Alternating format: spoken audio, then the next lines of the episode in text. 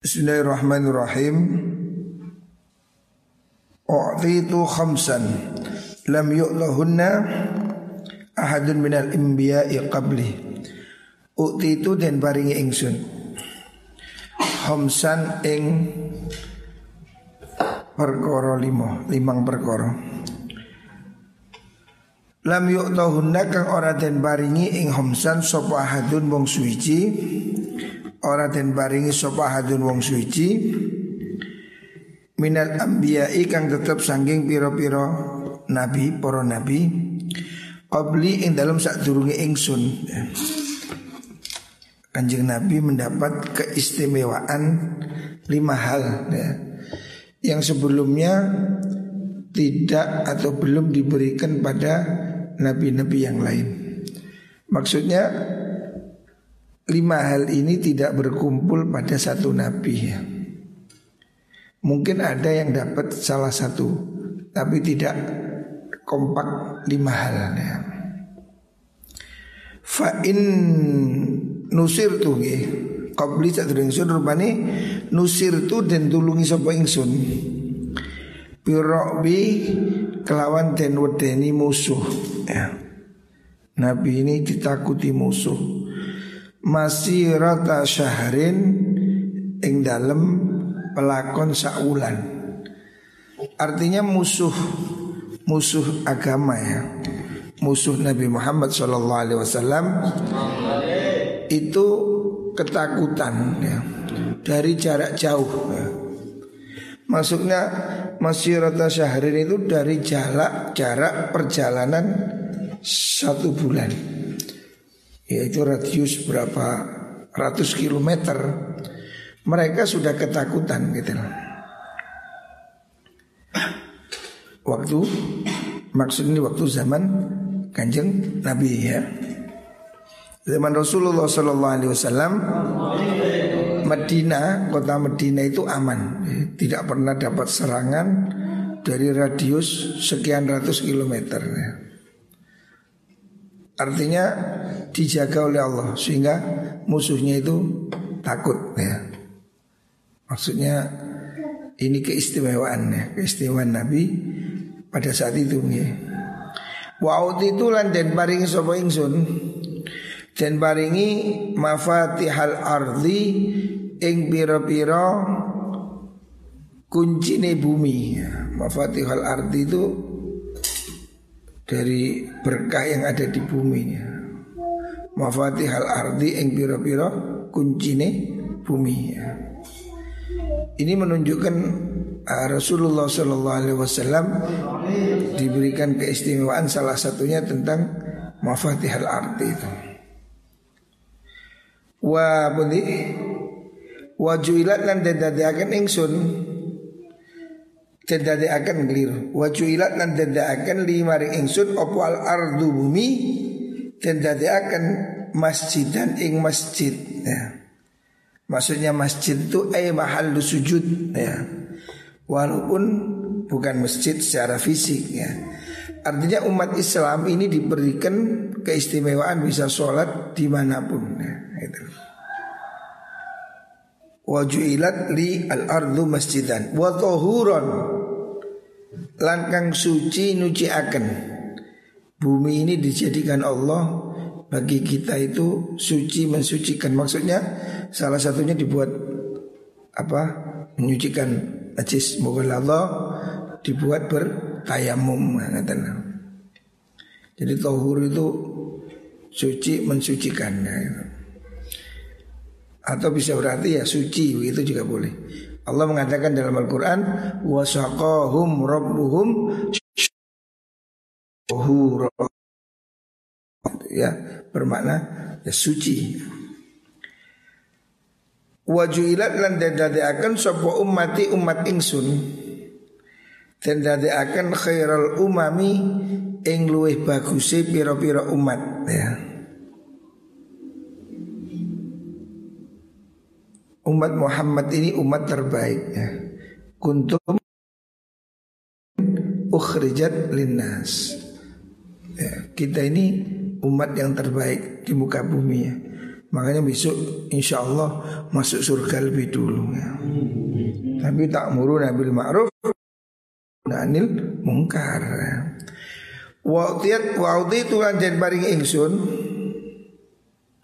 Dan paringi ingsun as-syafa'ata ing syafaat nah, Nah, ini keistimewaan Nabi Muhammad Shallallahu Alaihi Wasallam.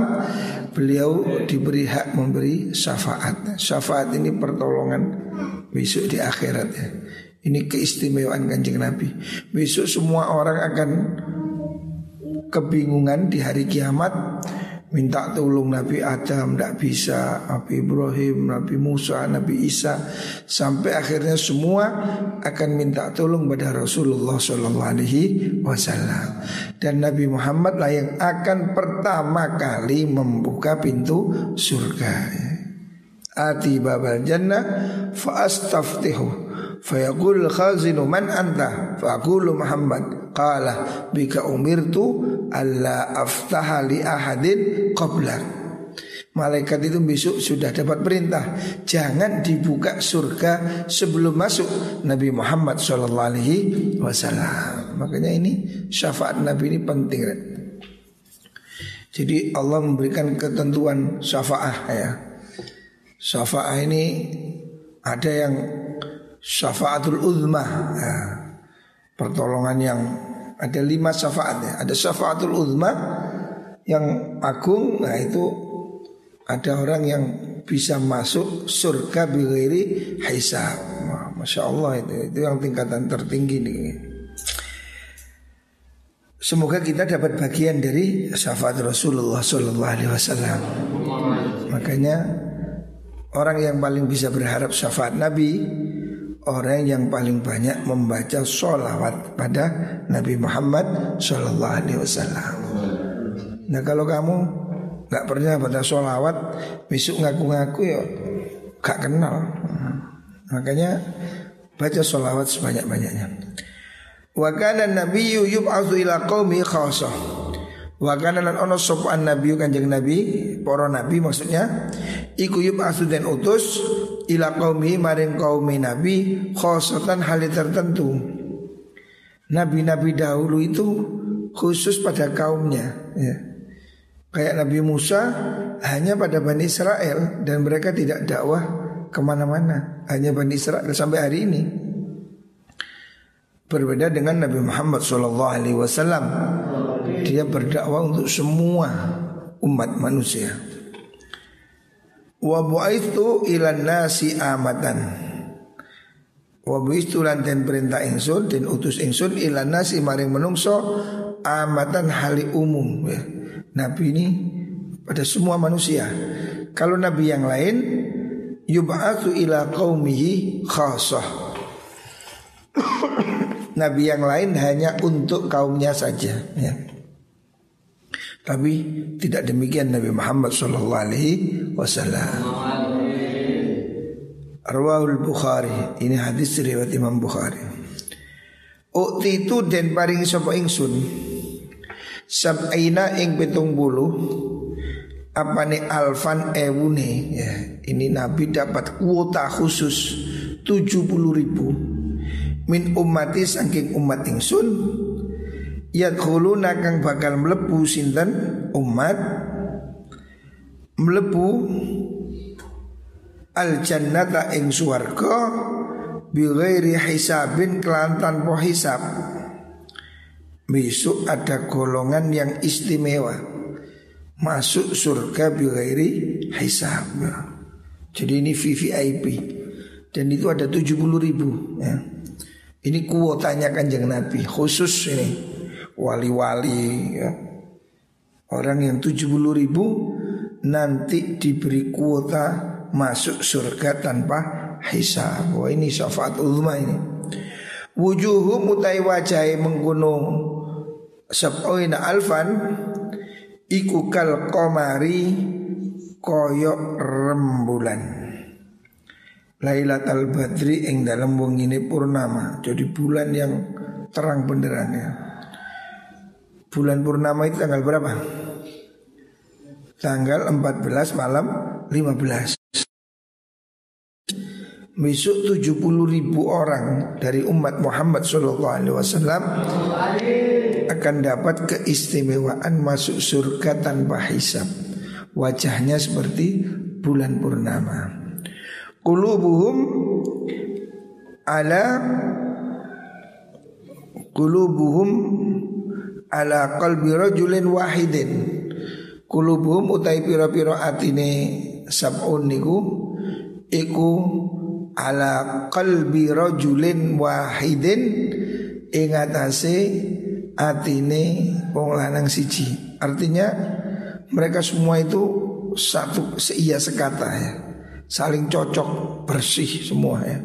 Ini spesial edisi spesial nih 70 ribu ini kalau ingai ingai belas kalau begitu belas bersih nah.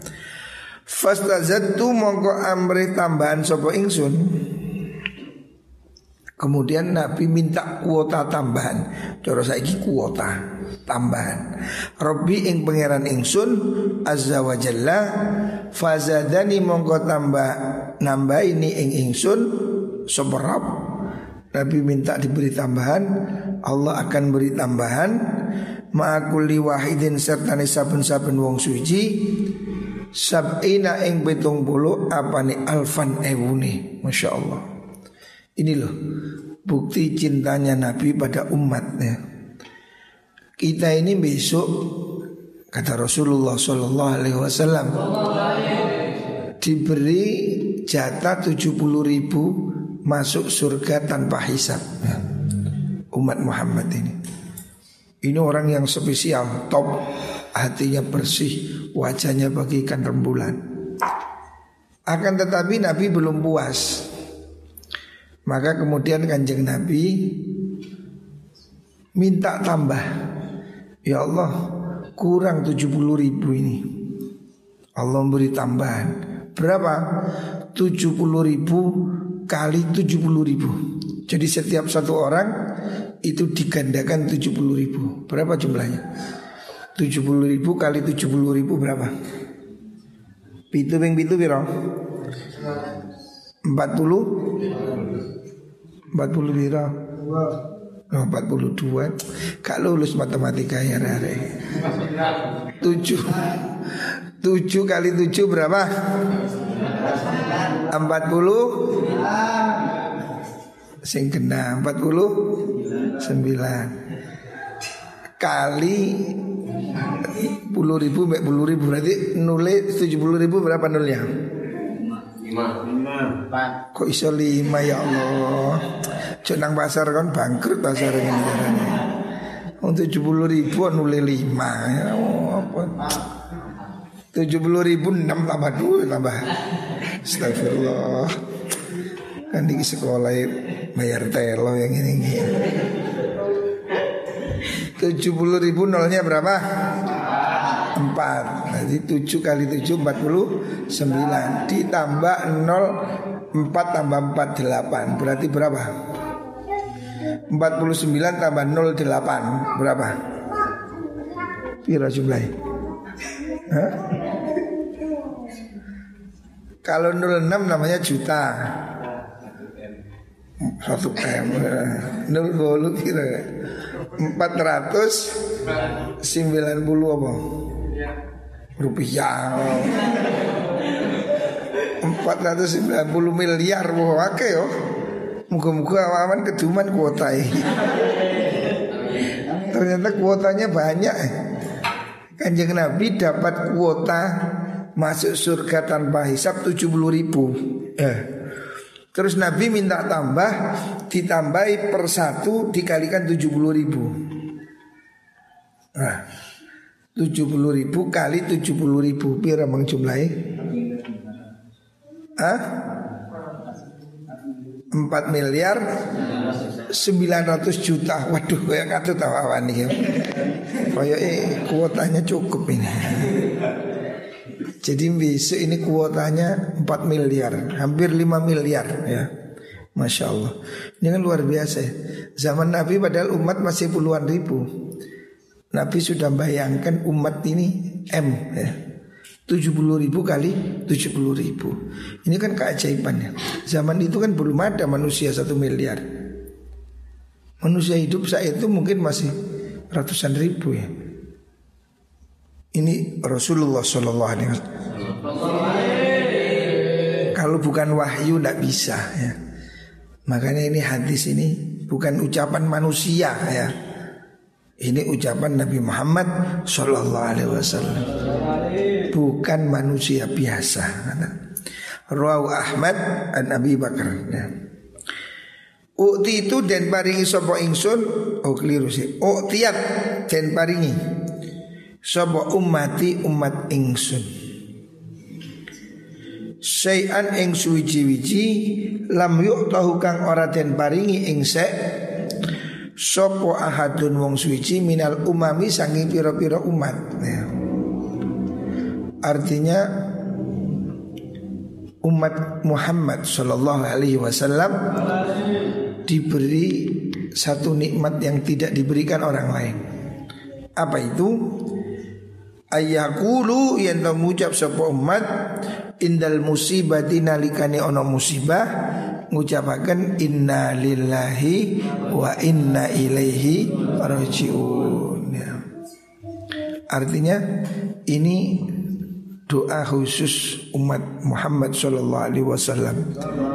Maksudnya kita disunnahkan ya, istirja. Kalau ada musibah, kesusahan, bacalah inna lillahi wa inna ilaihi rajiun. Ya, ini kekhususannya. Umat yang lain belum punya ini. Ya, ini khas ini. Contoh Nabi Yakub, Nabi Yakub musibah anaknya yang namanya siapa? Nabi Yusuf hilang katanya dimakan macan, macan bohong. Ya. Nabi Yusuf hilang anak paling dicintai Nabi Yakub. Nabi Yakub belum diajari untuk mengucap inna lillahi wa inna ilaihi rajiun. Maka apa kata Nabi Yakub ketika Nabi Yakub mendapat kabar duka bahwa anaknya Yusuf diterkam macan walaupun itu bohong Nabi Nabi Yakub mengatakan apa? Qala ya asafa ala Yusufa. Nah, jadi kata perkataan itu ya asafa ala Yusuf. Aduh sayang sekali. Ya. Kesedihan mendalam. Ya. Belum bisa mengucapkan inna lillahi wa inna ilaihi rajiun. Ya. Makanya ini khusus ya. Kita hendaknya mem memperbanyak ucapan inna lillahi wa inna ilaihi rajiun. Ya. Ini supaya kita sabar bahwa segala sesuatu itu milik Allah dikembalikan kepada Allah ya. Ini ungkapan untuk sabar. Sebagian lagi riwayat mengatakan Allahumma ajirni fi musibati ya. Wahluf alayya khairan minha. Ya, itu doa yang lengkap. Nabi mengajarkan kalau ada musibah ucapkan inna lillahi wa inna ilaihi rajiun. Terus Allahumma ajirni fi musibati. Ya Allah beri saya pahala dari musibah saya wahluf alayya khairan minha dan berilah saya ganti yang lebih baik. Ya. Ini jangan sedih kalau memang ada sesuatu yang takdir Allah kehilangan musibah mintalah diganti Allah ya. Insya Allah diganti yang lebih baik ya. Rawahu Ibnu Murdawe An Ibni Abbas. Selanjutnya hadis A'du al-ajira ajrahu Waktu aweo sira kabeh al ajira ing wong kang mergawe maksudnya buruh. Berikan buruh ajrohu ing bayarane ajir. Berikan para buruh itu upahnya. Ya.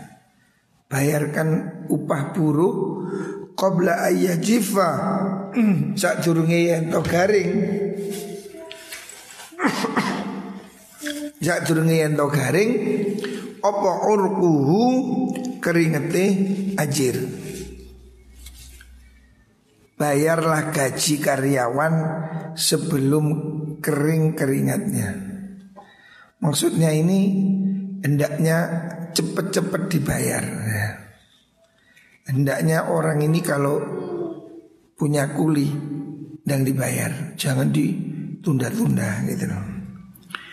Wa amilu wa alimu ajrohu wa alimu lan meruhno sira kabeh meruhno ajrohu ing upai ajir wa huwa hale utawi ajir iku fi amalihi ing dalam amali ajir. Hendaknya gajinya itu dijelaskan Kalau memang itu karyawan Gajinya dijelaskan Supaya tidak cekcok. Hadis Rawahul Bayhaqi A'zamun nasi hamman. A'zamun nasi utai luwe Agungi menungso. Nih hamman?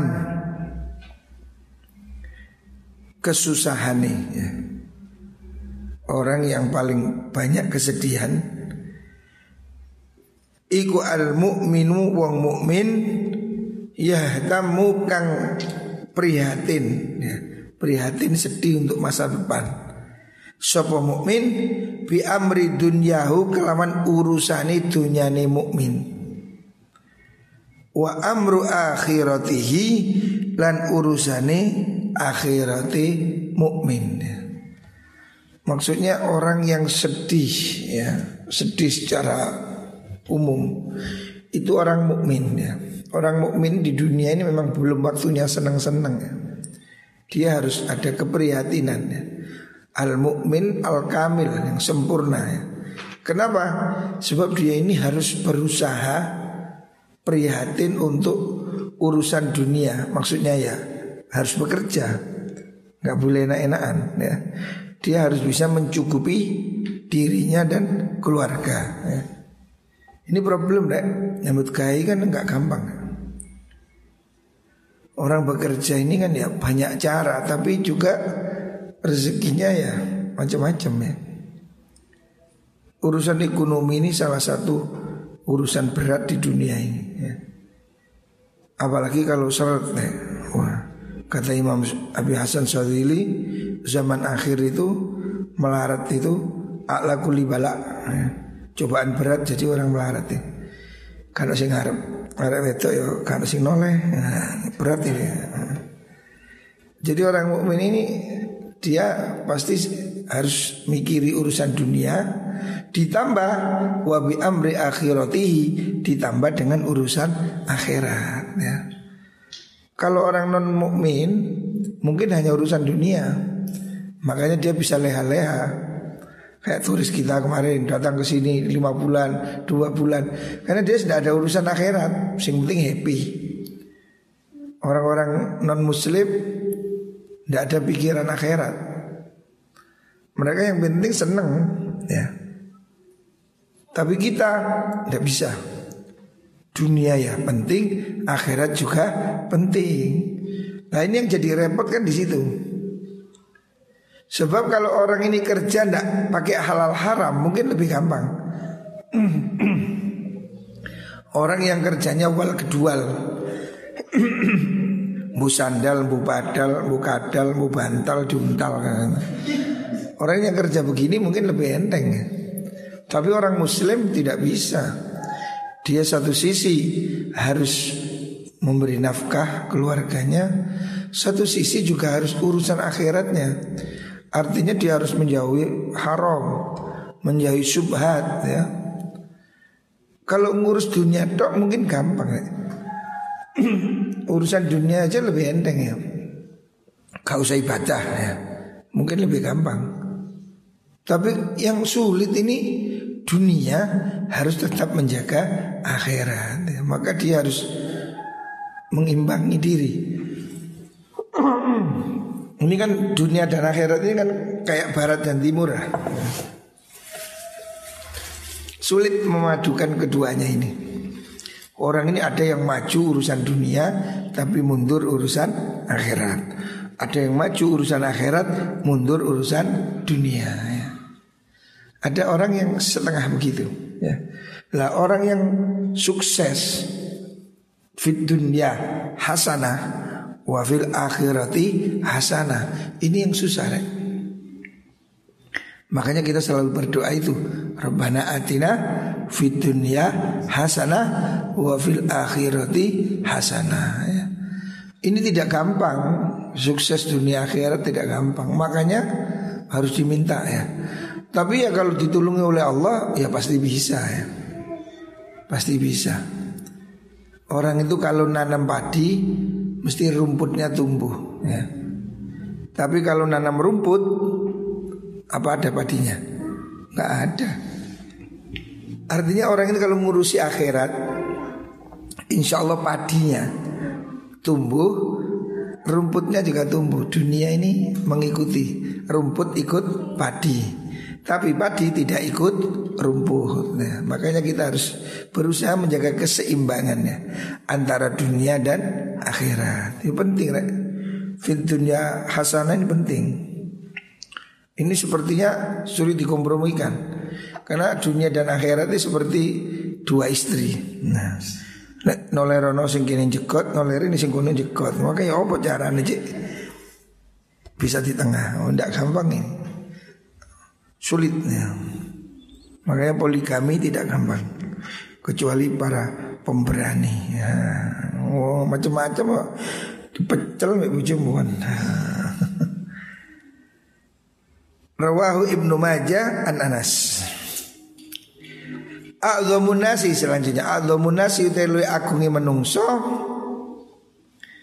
Luwi agungi menungso Apane hakon hae Manusia yang paling berhak Alal mar'ati ingatasi wong wadon Bagi perempuan Iku zaujuha buju lanangi imro'ah ya. Jadi wanita ini kewajiban terbesarnya ya yang harus ditaati itu suaminya ya. Jadi kalau namanya istri dia tidak boleh menyempelekan suaminya. Ini mutlak. Makanya Al-Quran mengatakan fasolihatu qanitat. Wanita solihah itu wanita yang qanitat wanita yang taat ya. Qanitat itu maksudnya taat.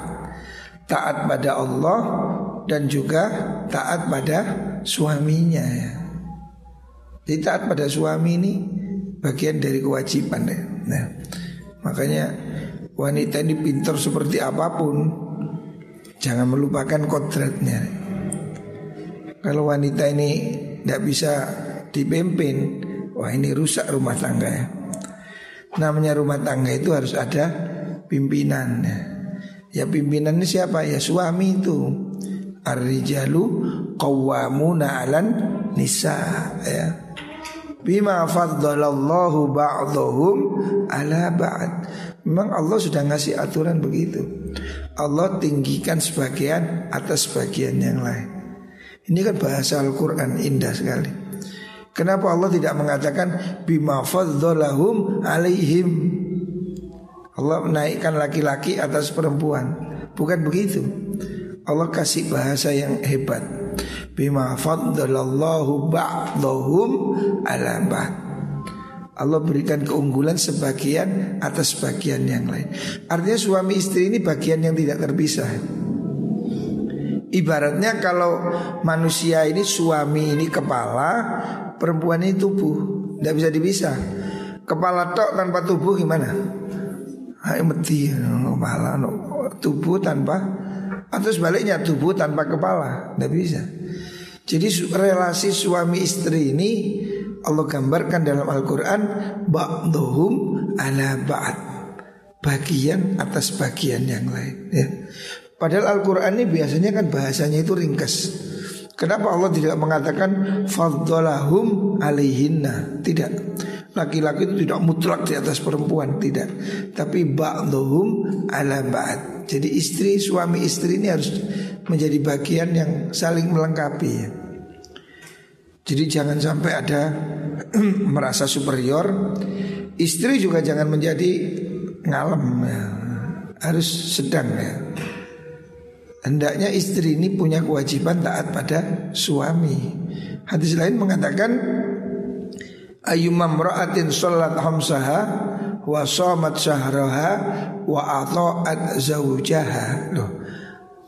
Rasul menggandengkan siapa wanita yang sholat, puasa, taat suami, jejer. Kewajiban taat suami itu dibarengkan dengan wajibnya sholat dan puasa. Siapa wanita seperti itu, dakhalat min ayyi abwabil jannati sya'at. Dia diberi apa keistimewaan tiket masuk surga lewat pintu mana saja. Nah, enak tadi wong wedok rek. Mlebu tak nang bojo swarga. Nah, gampang. Wong uh macam-macam sih Anda. Oke. Perempuan ini Gusti Allah beri keistimewaan. Masuk surga mudah sekali ya.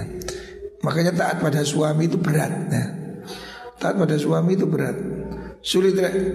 Orang perempuan itu jadi wanita karir bisa. Jadi insinyur banyak. Jadi astronot wah kambil Jadi dokter bisa. Yang sulit itu wanita apa? Yang sulit itu ya taat pada suaminya itu. Itu yang aput Apalagi wanita kaya. Wah bujune ya dianggap diingklik ya. Ini banyak kasus. Makanya kamu jangan cari istri kaya Kecelik kamu. Saya punya teman anaknya kiai menikah sama anaknya kepala desa. Ada orang ukuran desa kan kepala desa ini sudah prestis lah. Zaman bien, zaman zaman saya dulu. Dia mengira kalau nikah anak kepala desa kaya ini kan enak lah. Urip karek numpak nah, bondo manuk mangan roti kira-kira gitulah dikiranya ternyata tidak mertua kaya ini ternyata lebih cerewet. Wah, pagi tidur dimarahi, ngaji dimarahi, ngaji tok. Anakku mbok pangan opo? Waduh, ini pangan disego, masuk di pangan kitab. Ini kan menyakitkan gitu ya. Nah ini sering kali wanita ini kalau lebih kaya itu tidak taat pada suami. Makanya sudah benar konsep Al-Quran Ar-rijalu qawwamuna 'alan nisa bima faddalallahu ba'dahum 'ala ba'din wa bima anfaqu min amwalihim. Memang kewajiban suami beri nafkah istri. Kalau istrimu memberi nafkah kamu, ya sudah kamu akan jadi babunya. Sulit ini. Terkendali sulit. Banyak kasus pernikahan gagal ya. Karena istrinya lebih dominan. Saya punya teman istrinya ini manajer satu miliar.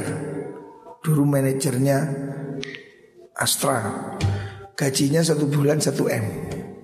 Oh ini bukan wanita sembarang ini wanita top Tidak banyak orang Indonesia yang punya gaji satu miliar Manajer satu miliar Kaya Suatu saat datang ke sini Cerita dia cerai Nikah lagi Saya heran Loh Mas gak keliru tak? Ya.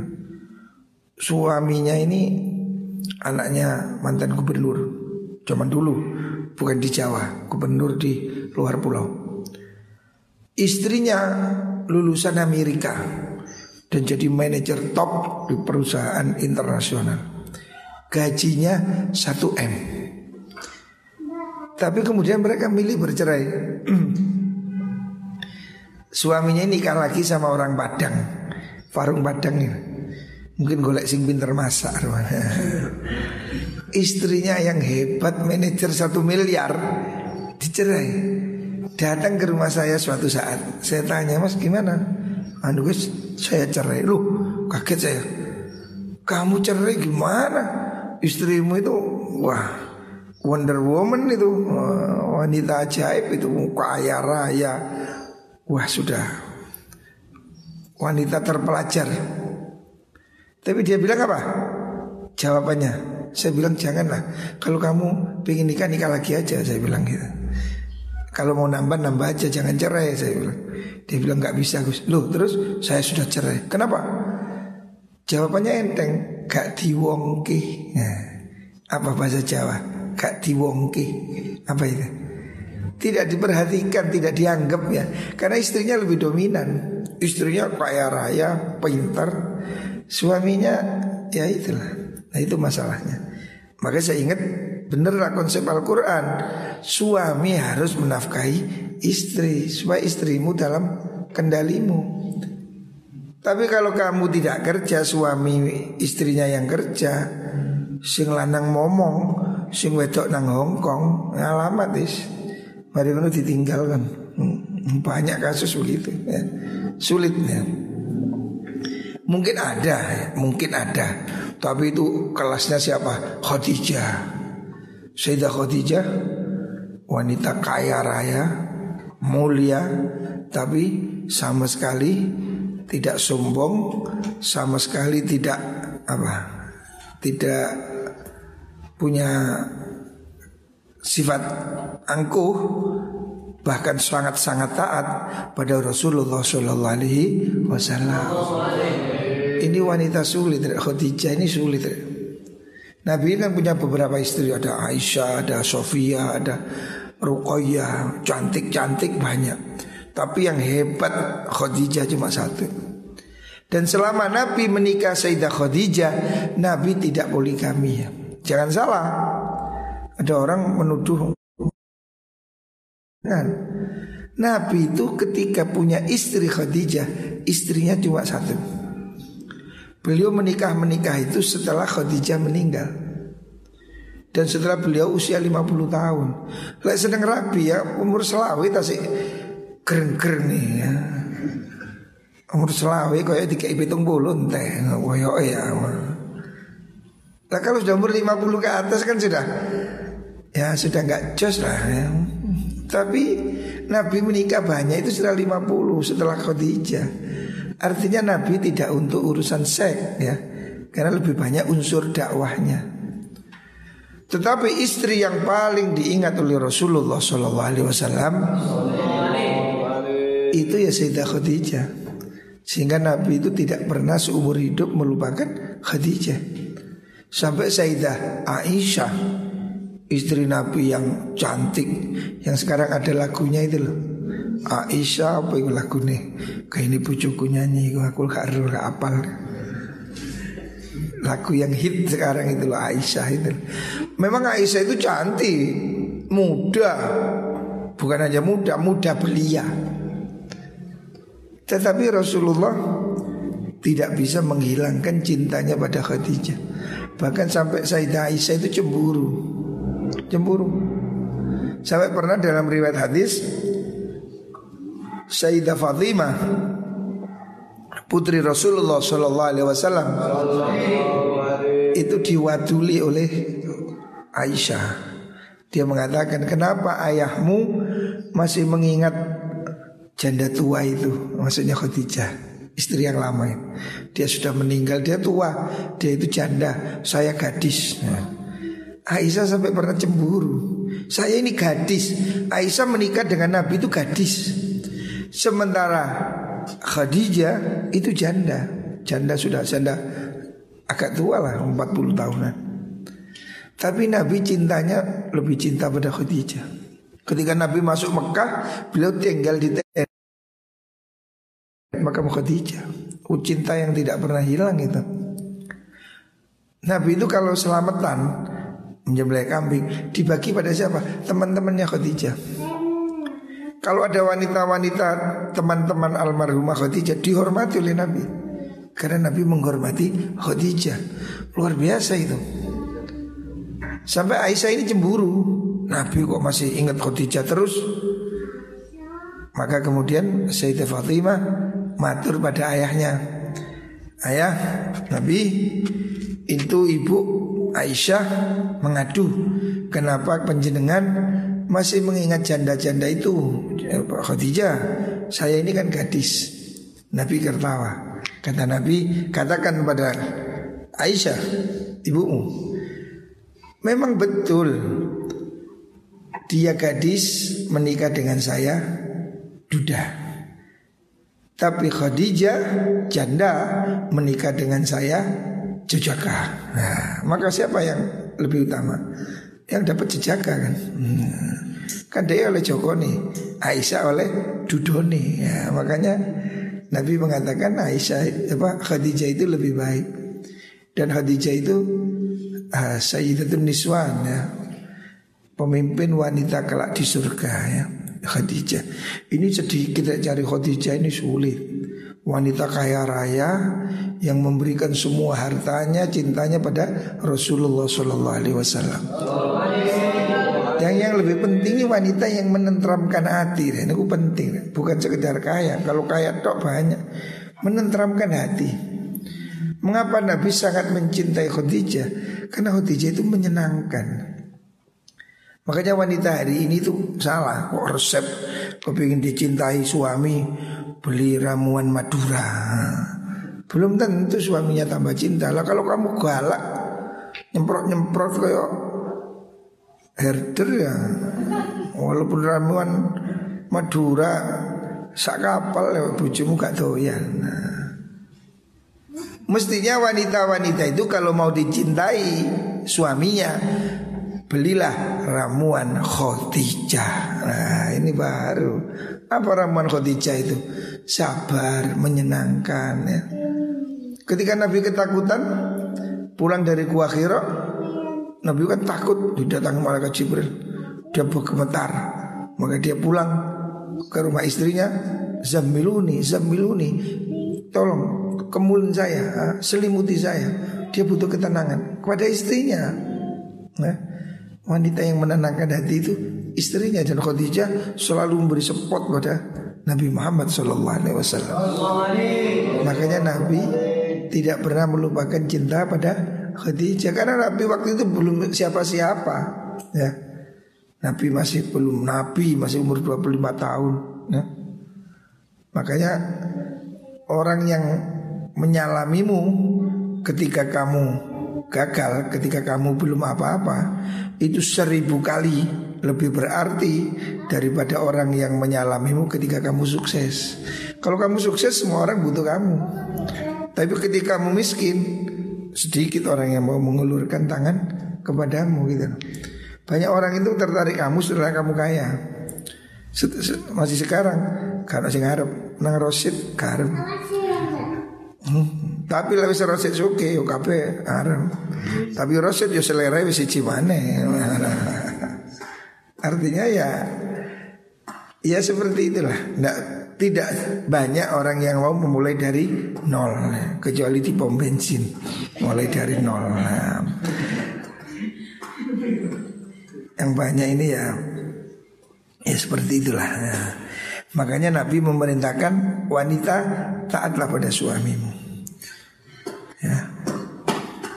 Wa a'dhamun nasi haqqan 'ala rajuli ummuhu. Wa a'dhamun nasi lan luweh agunge menungso apane haqqan hae wajibannya ala rajuli ing atase wong lanang ya. Sebetulnya rajul ini hanya jenis ya laki-laki perempuan sama aja. Orang yang paling wajib dihormati ya oleh laki-laki itu siapa? adalah ummuhu iku ibu e rojul ya. Jadi hak ibu ini lebih dari hak bapak rek. Ya. Kenapa? Ibu kita ini kan lebih berat ya perjuangannya berat. Mulai melak apa? Hamil. Hamil kan berat tuh. Belenduk belenduk belenduk belenduk. Apa tuh? Orang hamil ini sehari berat meskipun saya belum hamil tapi saya kira berat itu. Bagaimana orang hamil? Kayak cidor Turu murep jomplang Turu rumah abot oh, Pasti sulit lah ya Kenapa wanita ini ibumu ya Ibumu harus kamu hormati ya Sebab ibumu itu Orang yang paling berjasa pada dirimu ya Makanya ketika Rasulullah SAW ditanya siapa orang yang harus saya hormati, Nabi menjawab ummuka, ibumu. Siapa lagi? Ummuka, ibumu lah. Siapa lagi? Ummuka, ibumu. Tumaman, tumayun, abuk. Jadi setelah dijawab tiga kali ibumu baru satu kali ayahmu. Ini menunjukkan betapa pentingnya kedudukan ibu bagi seorang anak ya. Makanya kata Rasulullah Shallallahu Alaihi Wasallam, orang yang harus dihormati itu nomor satu ibumu ya. Kalau kamu durhaka pada ibumu, hilang kesempatan kamu masuk surga. Tapi juga ayahmu juga ya sama aja. Bapakmu memang tidak melahirkanmu, tapi sing menggelembungkan ibumu itu siapa? Karena gak bisa ibu umur melindung dewi ya. Karena ada yang niup itu pelembungannya lah. Itu ya yang kerja keras ya bapakmu. Nah, memang orang ini kadang yang kerja keras juga dihargai. Kalau bayi lahir ya apa? Yang diucapkan selamat siapa? Ibunya selamat ya kelahirannya. Padahal sing kebutan-butan ini bapak nih padahal ya. Kesulitan tapi prestasinya yang dihargai ibunya tidak apa-apa gitu. Memang ibu itu mempunyai nilai tertinggi ya. Makanya dalam keadaan hidup atau mati kamu wajib menghormatinya. Apa? Ya kalau dia sudah mati doakan, bacakan apa tahlil, doa dan seterusnya. Kalau masih hidup ya berbaktilah pada orang tua. Itu kunci ya, kunci hidup bahagia di dunia akhirat. Tidak ada kesempatan kamu masuk surga kalau kamu tidak berbakti pada orang tua ya. Allah sendiri memerintah dalam Al-Qur'an wa qadara rabbuka alla ta'budu illa iyyahu wa bil walidaini ihsana. Allah menggandengkan kewajiban menyembah Allah setelah itu berbakti pada orang tua. Nah, jadi berbakti pada orang tua itu dijejer sama wajibnya sholat. Makanya berat ya orang ber, apa, berbakti pada orang tua itu berat. Apalagi kalau ya masih tinggal salah satu ya seperti saya ini pada ibu saya itu apa pun ya harus saya lakukan karena apa? Itu surga. Ya. Surga anak itu ya orang tua itu. Imam Malik bin Anas, Imam Ahmad bin Hambal itu orang yang sangat bakti pada orang tua. Karena apa? Karena dia meriwayatkan satu hadis dari Rasulullah Shallallahu Alaihi Wasallam. Ada seorang sahabat yang masih muda, dia datang mau minta izin pada Nabi ikut perang. Perang ini kan sudah jelas lah imbalannya mati syahid pasti masuk surga. Ketika dia mau perang mau ikut Nabi ditanya oleh Nabi kamu masih punya orang tua punya kembalilah pulanglah layani orang tua jadi Nabi masih menganggap melayani orang tuamu lebih baik daripada kamu perang ya. Jadi kamu gak usah perang Layani orang tuamu itu pahalanya tidak kalah sama perang Makanya Imam Ahmad, Imam Malik itu sangat menghormati orang tuanya Karena apa? Dia meriwayatkan hadis Betapa Rasulullah SAW Pernah menyuruh orang tidak perang Hanya untuk ngelatini orang tuanya ya. Itulah apa bagian dari birrul walidain. Muka-muka kita semua diberi kesempatan untuk birrul walidain ya. Karena itu pahalanya lebih besar dari apa pun yang di dunia dan ancamannya juga berat ya. Siapa orang menyakiti orang tuanya maka surga tidak ada tempat baginya ya. Naudzubillah.